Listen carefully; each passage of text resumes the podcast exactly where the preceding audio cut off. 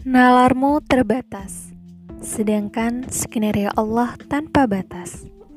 Pikiranmu sempit, sedangkan rezeki Allah sangatlah luas. Jangan batasi doamu dengan menggunakan nalar dan pikiranmu, karena yang kau anggap mustahil bisa dengan mudah Allah wujudkan.